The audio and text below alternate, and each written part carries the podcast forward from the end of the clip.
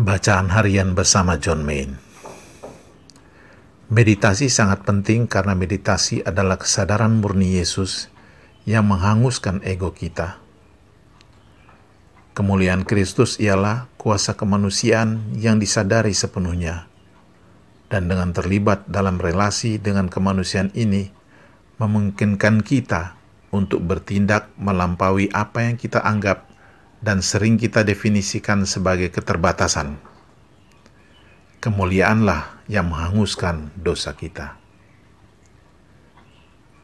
Hidup Kristiani akan lebih berpusat pada Kristus, bukan pada khayalan-khayalan ego yang memenjarakan kita.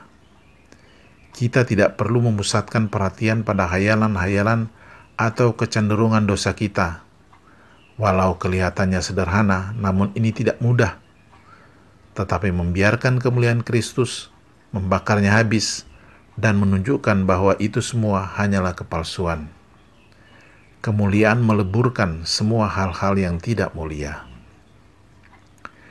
Kita perlu mengingat bahwa inilah makna dari doa Kristiani. Doa bukan penolakan diri kerendahan hati palsu.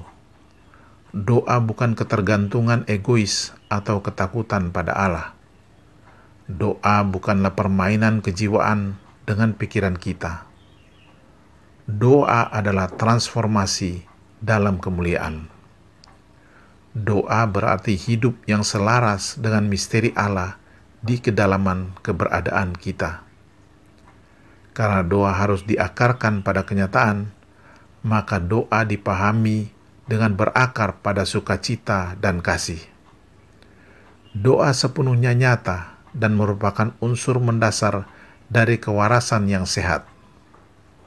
Satu-satunya realitas adalah Allah yang adalah kasih, dan kekuatan serta kemuliaan dari kasih ini dapat ditemukan dalam hati kita jika kita mencarinya, dan jika kita mencari, maka kita akan menemukan.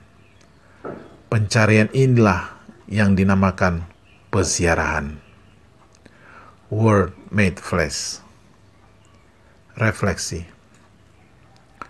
Meditasi adalah kesadaran murni Yesus yang menghanguskan ego kita. Dalam meditasi, kita mengikuti ajaran Yesus mengenai doa, karena kita mengalihkan perhatian dari diri kita sendiri dengan cara mengucapkan mantra secara berulang-ulang.